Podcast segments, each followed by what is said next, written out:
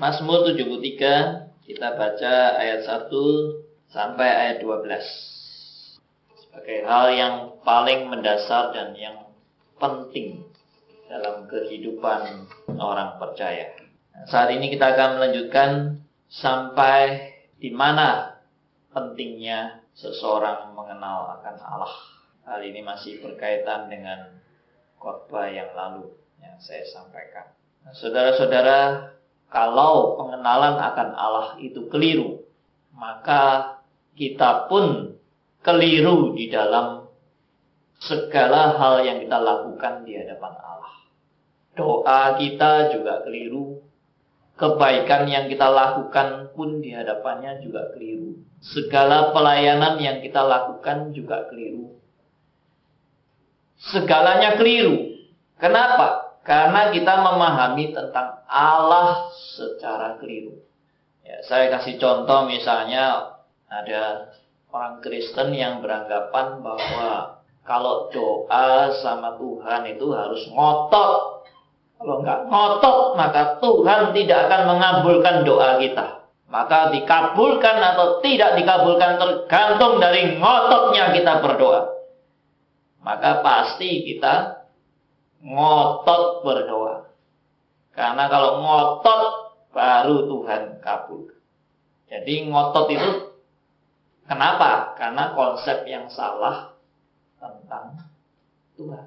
Lalu akhirnya sebaliknya orang beranggapan, wah ngotot percuma, ngotot tidak ngotot, Tuhan tidak bisa dirubah. Kalau begitu doa tidak ada gunanya. Ya udah nggak usah berdoa aja. Ini juga reaksi yang salah tentang pengenalan akan Tuhan. Jadi apa pun pengenalan akan Tuhan yang keliru akan menimbulkan reaksi yang keliru kepada dari saudara dan saya. Bagaimana Anda memperlakukan Tuhan dengan sembarangan? Itu juga dipengaruhi oleh konsep saudara tentang Allah. Kalau saudara menganggap Allah itu remeh, saudara pun akan meremehkan Allah. Kalau saudara menganggap Allah itu oh penuh dengan belas kasihan, maha pengampun dan penyayang dan tidak pernah menghukum anak-anaknya, ya kalau begitu kita bisa berbuat segala sesuatu dengan seenaknya tanpa ada rasa takut kepada Allah. Maka itu pun karena pengenalan akan Allah yang tidak benar. Nah, saudara-saudara, jadi segala sesuatu pengenalan akan Allah itu mempengaruhi langkah hidup saudara dan saya. Bagaimana kalau kita juga memandang harta lebih penting daripada Allah? Itu korbannya minggu lalu. Pak Hartono Ibo. Kalau kita memandang materi, memandang diri kita juga lebih penting dari segala sesuatu. Maka itu akan mempengaruhi orientasi hidup kita apa yang kita utamakan, apa yang kita cari dalam kehidupan ini. Dan kita akan meremehkan hal yang tidak bersifat materi atau demi kepentingan diri kita sendiri.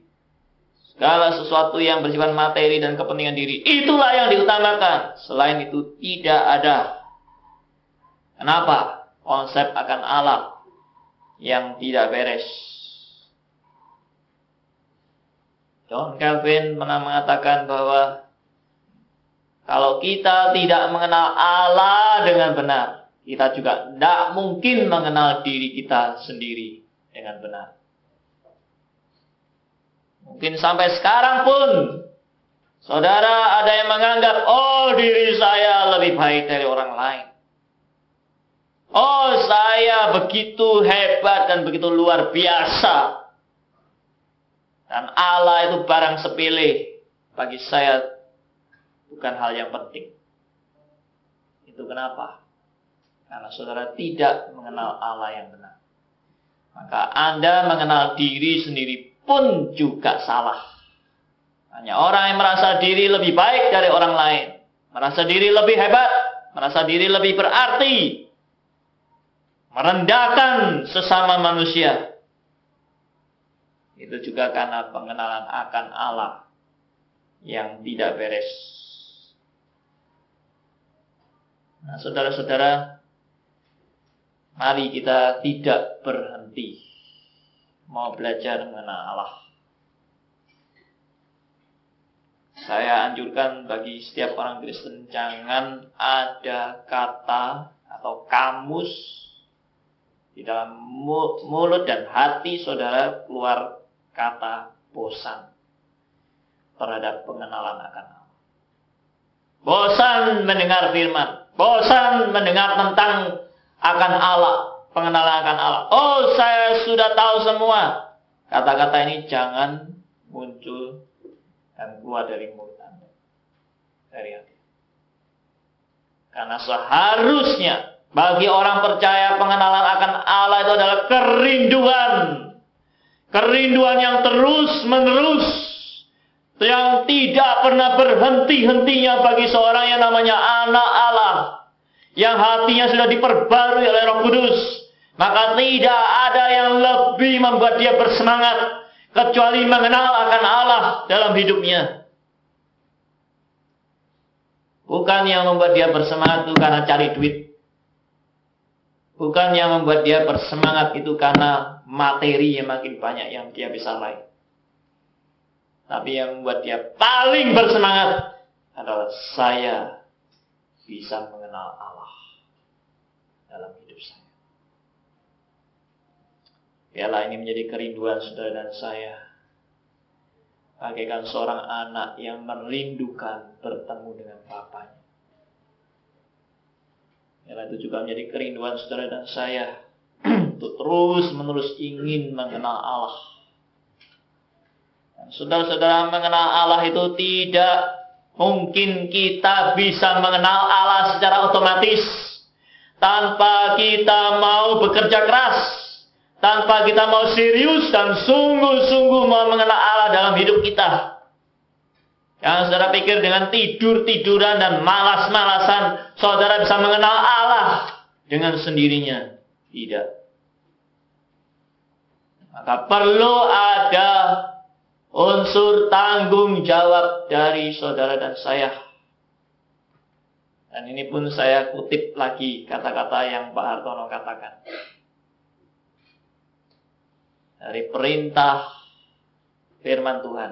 Carilah dahulu kerajaan Allah dan kebenaran.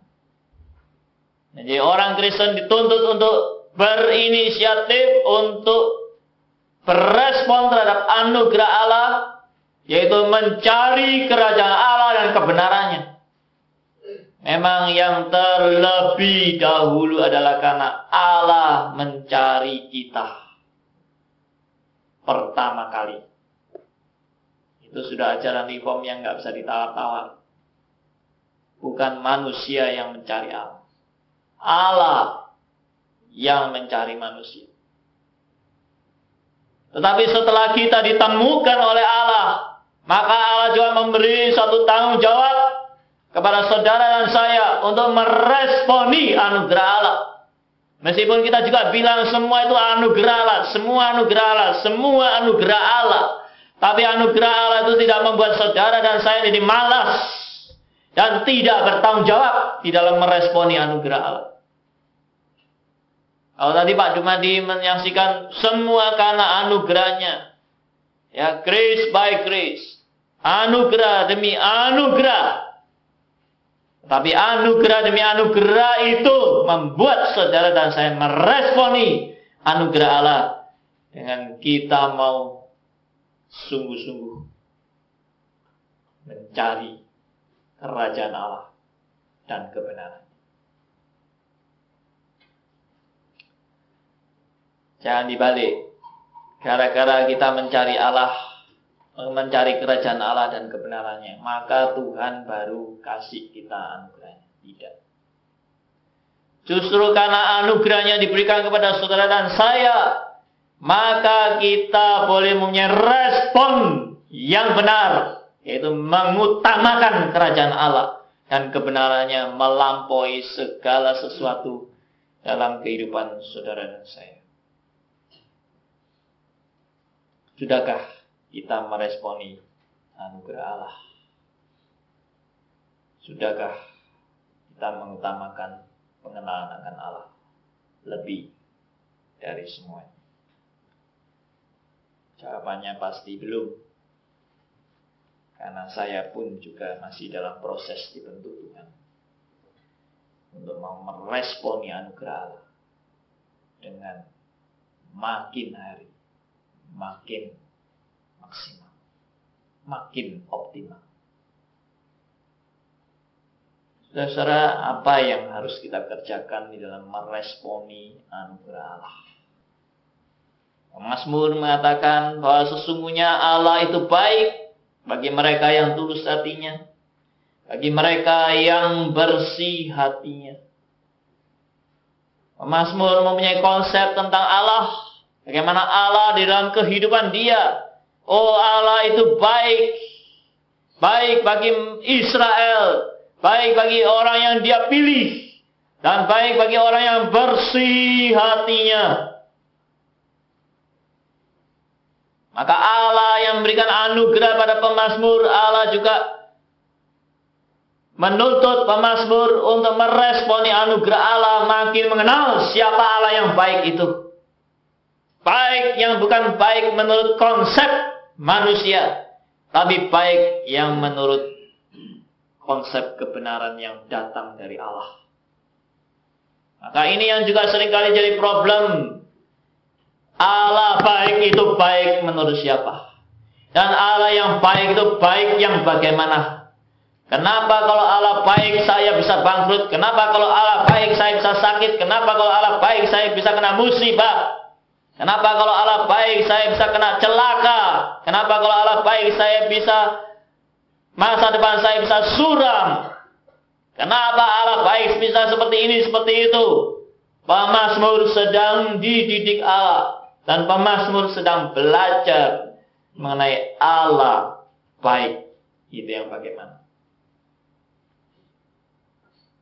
Saudara, sejak saya menjadi Kristen, saya juga belajar hari demi hari.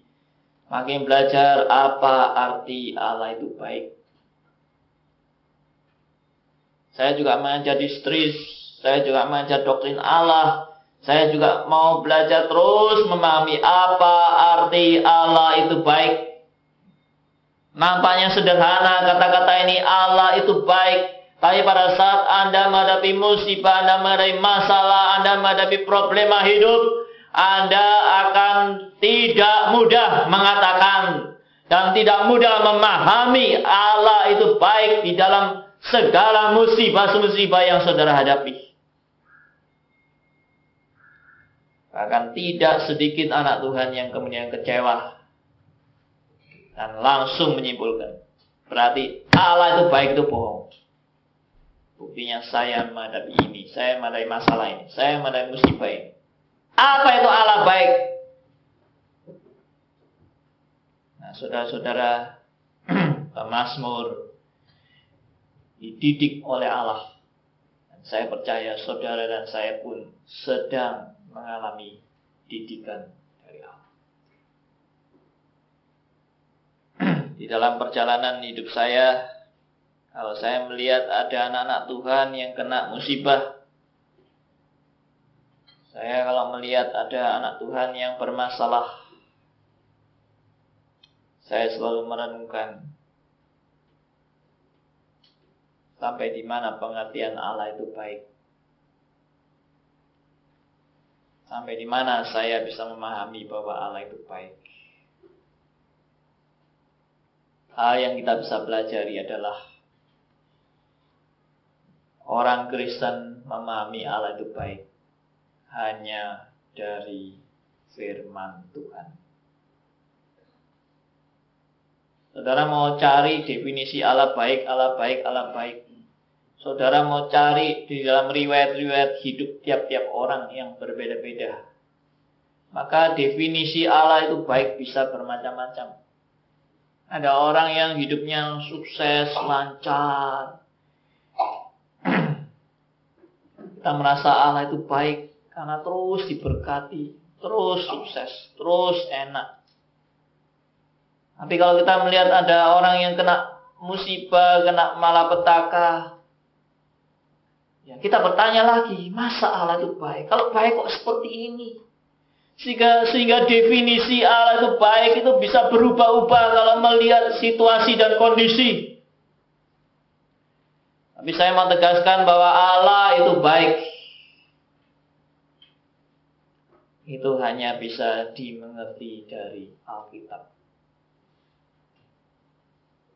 Karena itu saya tadi bilang kita meresponi anugerah Allah itu harus dengan berusaha. Harus dengan tindakan nyata. Harus dengan bekerja keras.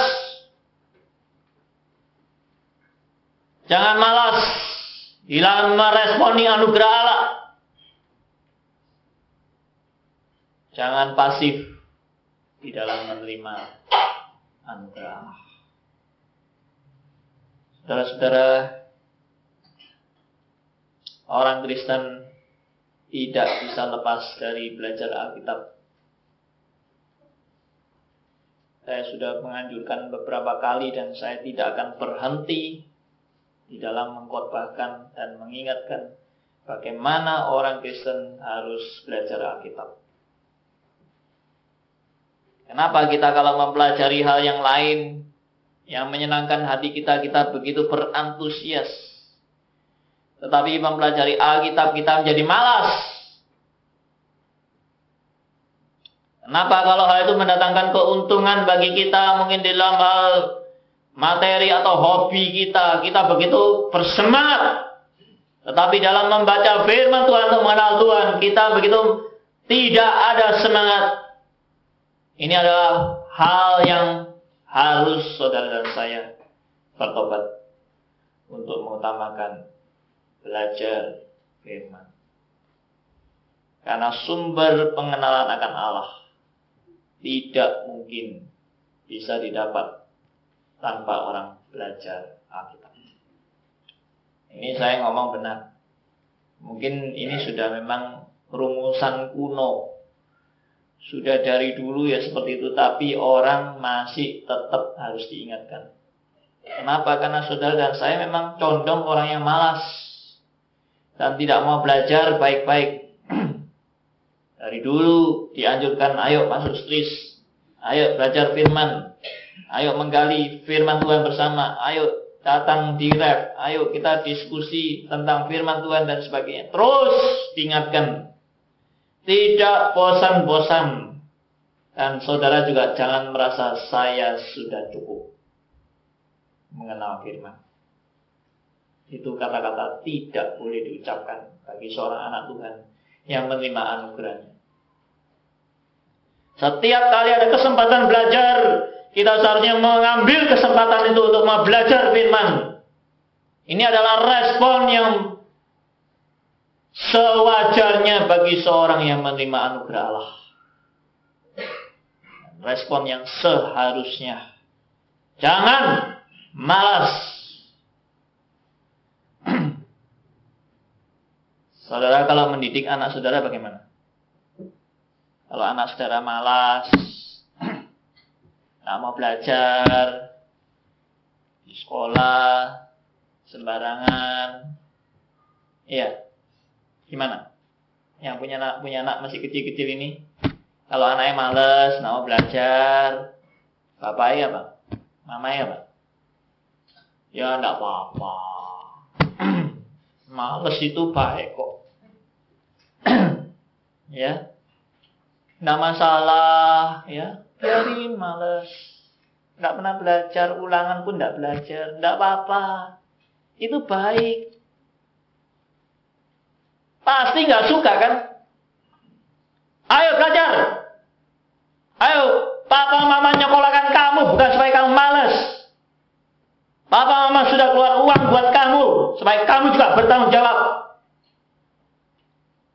Kira-kira seperti itulah kalau Bapak di surga juga memarahi Anda yang malas-malas. Merasa? Kalau Bapak di surga marahi saudara. Gak kerungu ya Pak? Kok enak terus rasanya hidupku ini di dalam kemalasanku. Ya soalnya budeki gitu. Orang firman Tuhan terus sudah mengingatkan. Firman Tuhan terus sudah berbicara kepada saudara saya. Masih nggak mau tahu. Jangan malas. Saya bersyukur bila ada saudara-saudara yang mulai meresponi, mulai mau giat belajar firman. Karena apa? Saya mau mengenal Allah dengan benar. Karena apa? Karena anugerahnya sudah dicurahkan kepada saya. Saya nggak mau malas.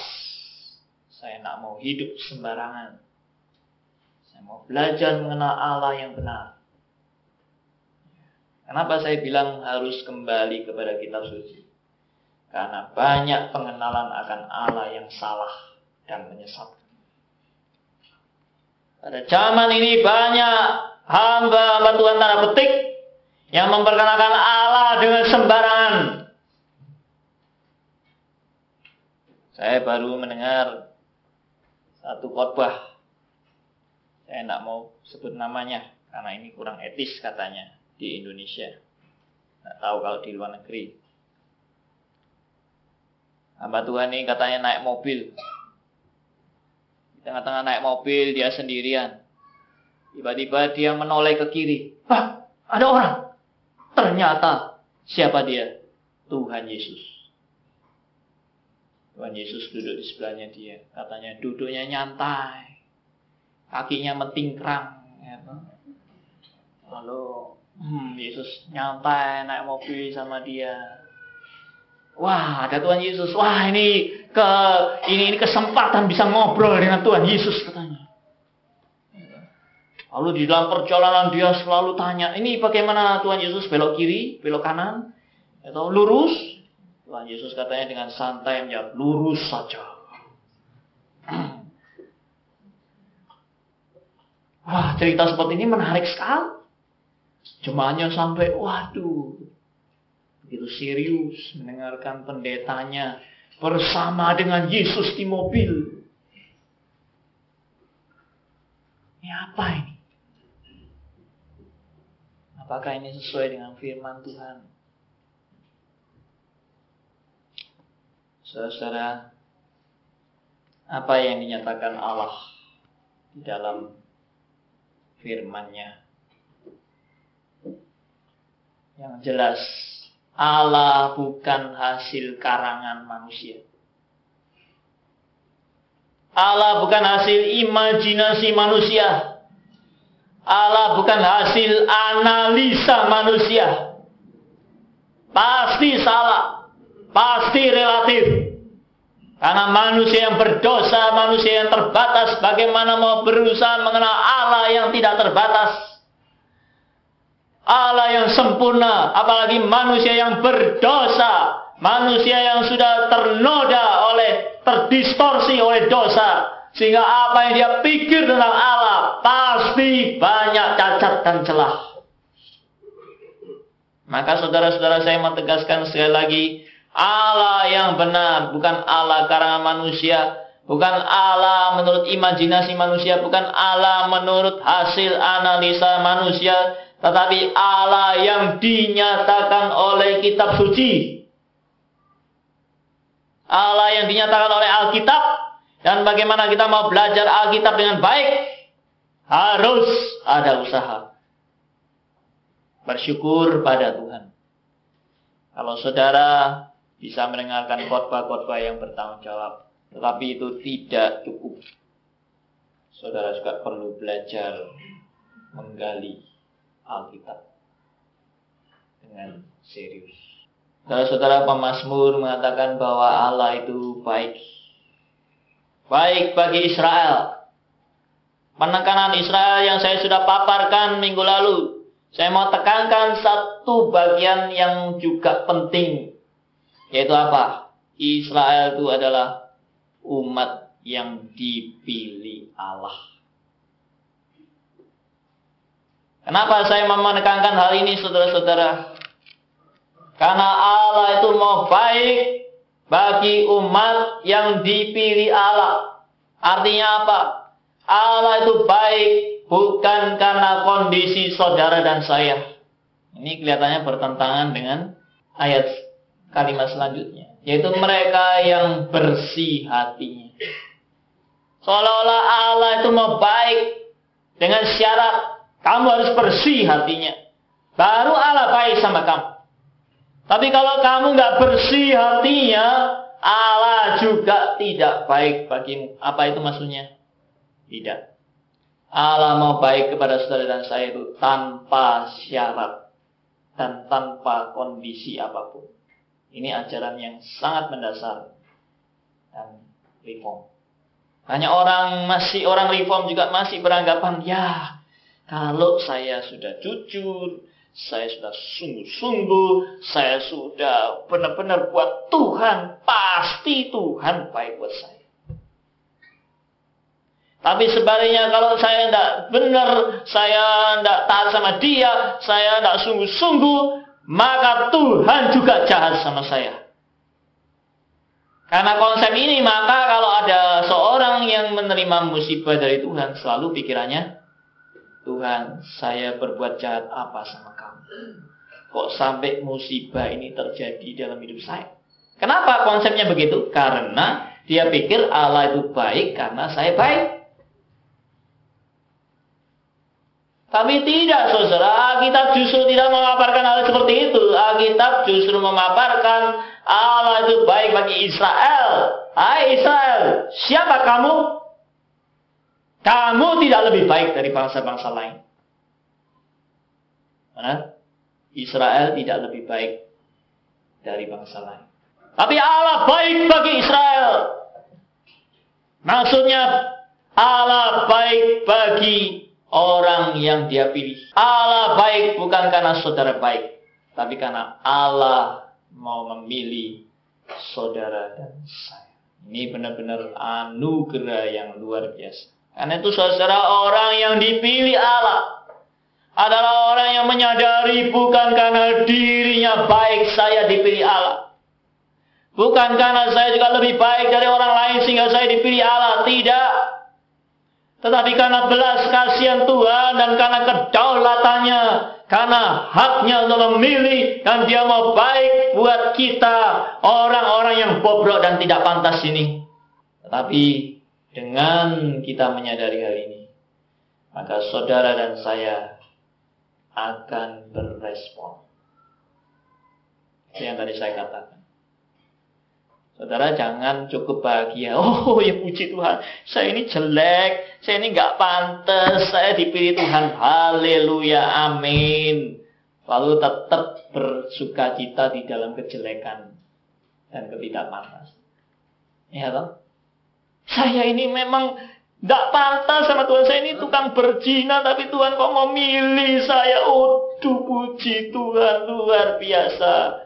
Setelah dipilih, setelah dikasih Tuhan tetap berzina.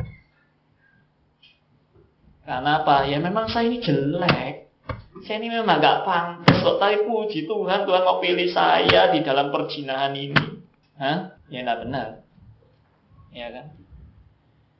Jadi saudara-saudara, Tuhan mau memilih saudara dan saya. Bukan karena kebaikan Anda. Bukan karena Anda pantas di hadapan Allah. Sama sekali tidak. Tetapi kalau Tuhan sudah pilih, maka saudara dan saya yang dipilih Allah akan berespon terhadap anugerahnya yang luar biasa. Responnya apa? Yaitu tadi. Carilah kerajaan Allah dan kebenarannya. Lalu apa arti juga orang yang bersih hatinya? Saudara-saudara orang yang bersih hatinya.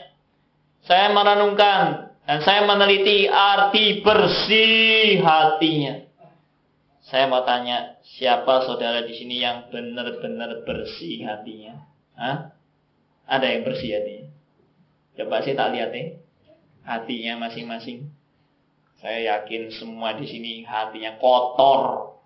Termasuk saya. Nah kalau kotor, maka berarti Tuhan tak baik sama kita kan? Karena di sini dikatakan Tuhan tuh baik dengan orang bagi mereka yang bersih hatinya. Tapi saudara dan saya nggak bersih.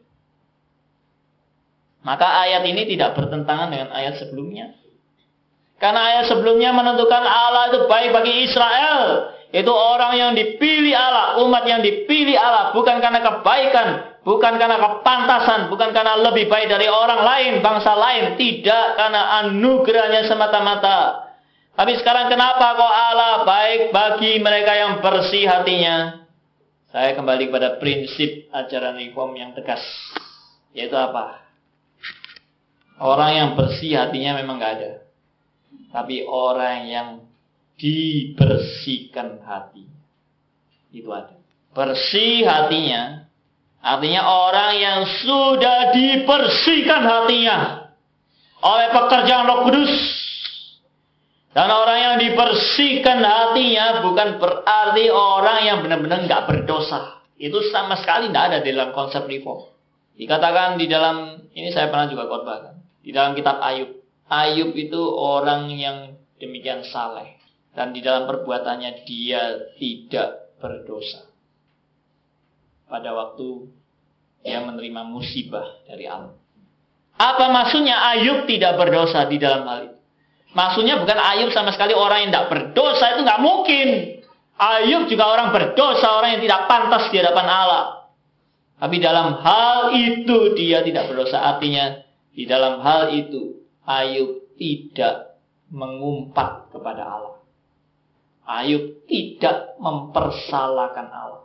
Tapi Ayub sebenarnya orang berdosa. Elia juga nabi yang begitu luar biasa, tapi dikatakan dia orang biasa. Dia juga orang berdosa. Dia juga punya kelemahan dan kekurangan. Saudara kita menegaskan siapa yang bersih hatinya adalah orang yang dibersihkan hatinya oleh Roh Kudus.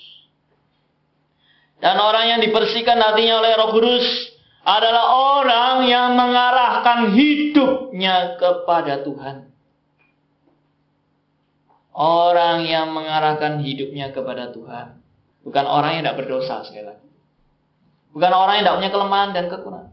Tetapi orang yang orientasi hidupnya mengarah kepada Tuhan. Saudara-saudara pemazmur yang menulis Mazmur 73 ini bukan orang sempurna. Dia juga bukan orang yang bersih hatinya dalam arti dia tidak berdosa. Tidak. Dia juga berdosa, dia juga banyak kelemahan dan kekurangan. Tapi dia mengarahkan matanya kepada Tuhan. Dia mengarahkan hidupnya kepada Tuhan. Dia mengarahkan harapannya kepada Tuhan di tengah-tengah kelemahan dan kekurangan dan dosa-dosa dan keterbatasannya. Matanya mengarah kepada Tuhan. Maka saudara dan saya dalam menghadapi apa pun, mari kita belajar mengarahkan mata kita kepada Tuhan. Kelemahan kita banyak, kekurangan kita banyak, dosa-dosa kita banyak. Tapi mari kita mengarahkan mata kita kepada Tuhan. Saya percaya karena pekerjaan Roh Kudus bukan kita yang mampu merubah hidup kita. Tapi Roh Kudus yang merubah dengan kuasa kehidupan saudara dan saya. Saudara mengalami perubahan? saudara mengalami hidup yang diubahkan oleh Tuhan. Saya percaya orang yang mengarahkan hatinya kepada Tuhan. Orang yang matanya tertuju kepada Allah. Tanpa dia sadar. Hidupnya diubahkan oleh Tuhan. Dan semua yang berinisiatif dari Allah yang memilih saudara dan saya. Maka orang yang mengarahkan hidupnya kepada Tuhan.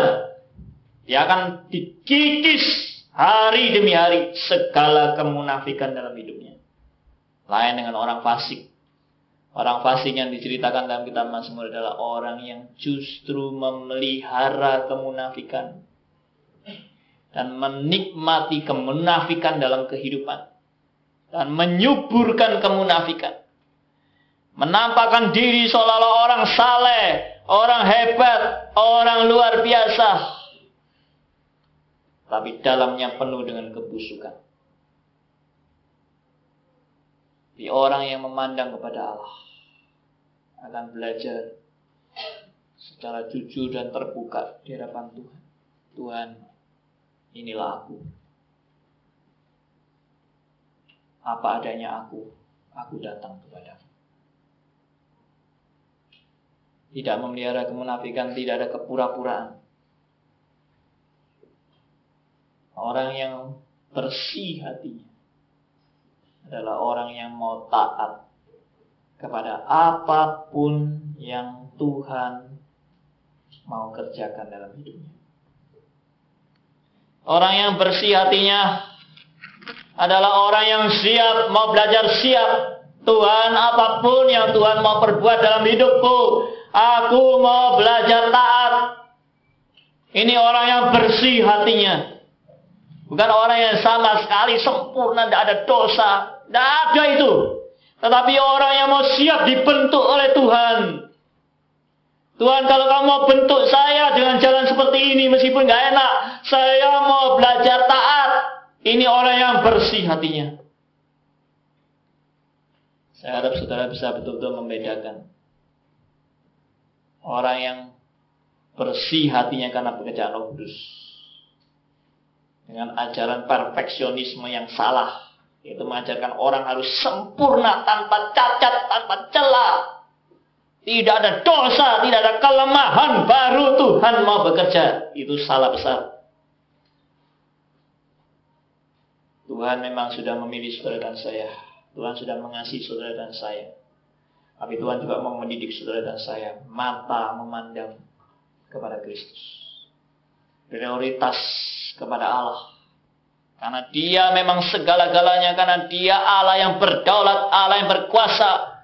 Dan dia yang memilih saudara dan saya. Dan dia akan merubah hidup saudara dan saya. Untuk mata tertuju kepada Allah. Kita mau mengikis oleh pekerjaan roh kudus.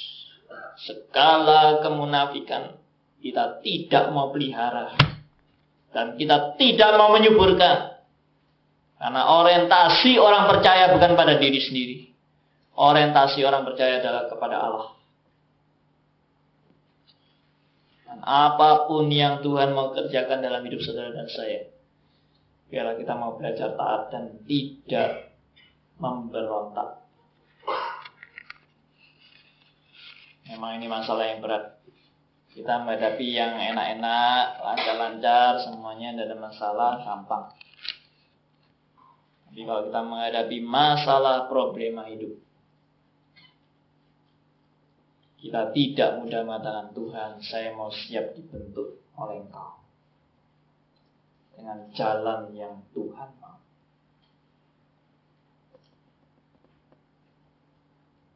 Pernyataan Pak Dumadi tadi, saya sudah tua, saya sudah banyak penyakit, saya banyak kelemahan, ya apa pun terjadi, tapi saya tetap mau bersungguh-sungguh di dalam merindukan kebenaran firman Mata memandang kepada Allah.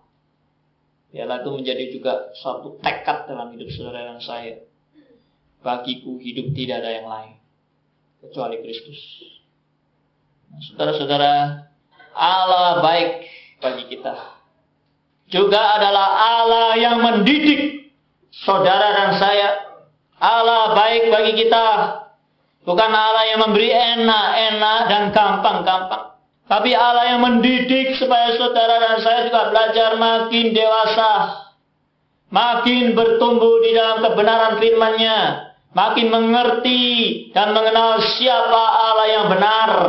Karena apa? Karena saudara adalah anggota keluarga kerajaan Allah. Jadi jangan punya konsep Allah baik itu ya, baik itu selalu memberi yang kita minta. Ya Allah baik itu selalu membuat kita hidup kita lancar dan enak.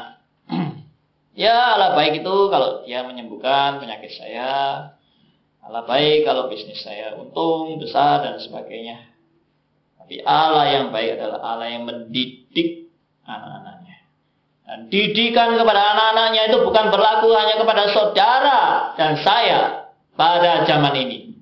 Didikan Allah bagi anak-anaknya itu berlaku sejak manusia pertama, Adam dan Hawa. Dididik oleh Allah.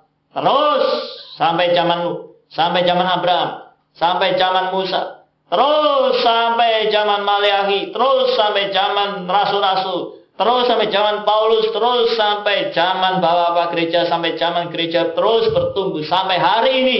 Allah terus mendidik saudara dan saya sampai pada zaman yang akan datang. Orang-orang generasi setelah kita, mereka pun akan dididik oleh Allah sampai Kristus datang ke dunia. Didikan dari Allah tidak pernah berhenti. Karena itu saya juga katakan bahwa saudara dan saya kalau belajar bagaimana Allah mendidik anak-anak pada masa lalu di perjanjian lama, kita belajar bagaimana Allah mendidik Abraham, Allah mendidik Musa, Allah mendidik Daud, dan seterusnya kita mempunyai satu kekayaan harta kerajaan surga yang berlimpah. Karena didikan Allah itu adalah wujud daripada Allah yang baik bagi saudara dan saya. Saya melihat Didikan Allah memang pada tiap-tiap orang itu berbeda. Tapi tujuan Allah mendidik itu sama. Kalau ada orang tua punya tiga anak, tiga anak ini mungkin sifatnya beda-beda. Mendidiknya juga berbeda-beda. Ya toh? Tapi tujuan orang tua di dalam mendidik anak sama bagi ketiga-tiga.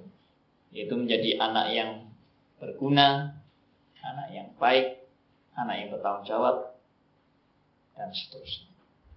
Demikian juga Allah Bapa mendidik saudara dan saya, mendidik orang-orang zaman lalu, mendidik Daud, mendidik Abraham, mendidik uh, Rasul Paulus, mendidik saudara, mendidik orang-orang yang akan datang. Semua tujuan akhir Tuhan mendidik adalah sama. Supaya saudara dan saya makin mengenal siapa Allah yang benar. Karena itu kita ini sekarang di dalam suatu masa pendidikan Allah pendidikan yang luar biasa. Saudara kalau masuk sekolah, cari sekolah buat anak-anak sekolah yang baik kan. Sekolah yang bisa mendidik anak saudara dengan baik. Demikian juga Tuhan memberi saudara sekarang sekolah bagi saudara dan saya. Dan sekolah dari Tuhan itu sekolah luar biasa. Mari kita belajar.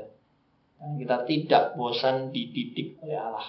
Saudara-saudara pemazmur di dalam mengungkapkan ayat yang pertama ini sesungguhnya Allah itu baik bagi mereka yang tulus hatinya, bagi mereka yang bersih hatinya. Saya menafsirkan pemazmur menulis ini di dalam melalui dua tahap.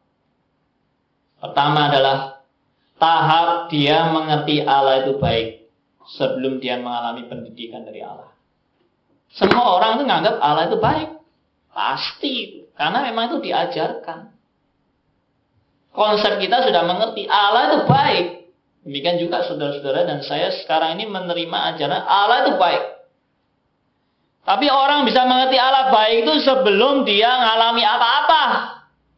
Oh iya iya Allah baik, Allah baik. Oh iya iya. Amin, amin, amin. Allah itu baik. Tapi setelah memazmur mengalami konsep yang pertama Allah itu baik. Allah mendidik dia. Allah menghajar dia. Sampai akhirnya dia juga menyimpulkan. Allah itu baik. Maka definisi Allah baik yang pertama. Dan definisi Allah baik yang kedua. Itu pasti ada perbedaan. Perbedaan dari yang pertama itu tanpa ada pengalaman, tanpa ada didikan daripada Tuhan. Tapi Konsep yang kedua adalah konsep yang sudah ditambah dengan pengalaman-pengalaman dan didikan dari Allah. Dan demikianlah saudara dan saya sedang sekarang ini dididik oleh Allah. Untuk memahami Allah yang baik. Itu yang bagaimana bagi saudara dan saya. Ya saya kalau sering kali bertemu dengan jemaat ya.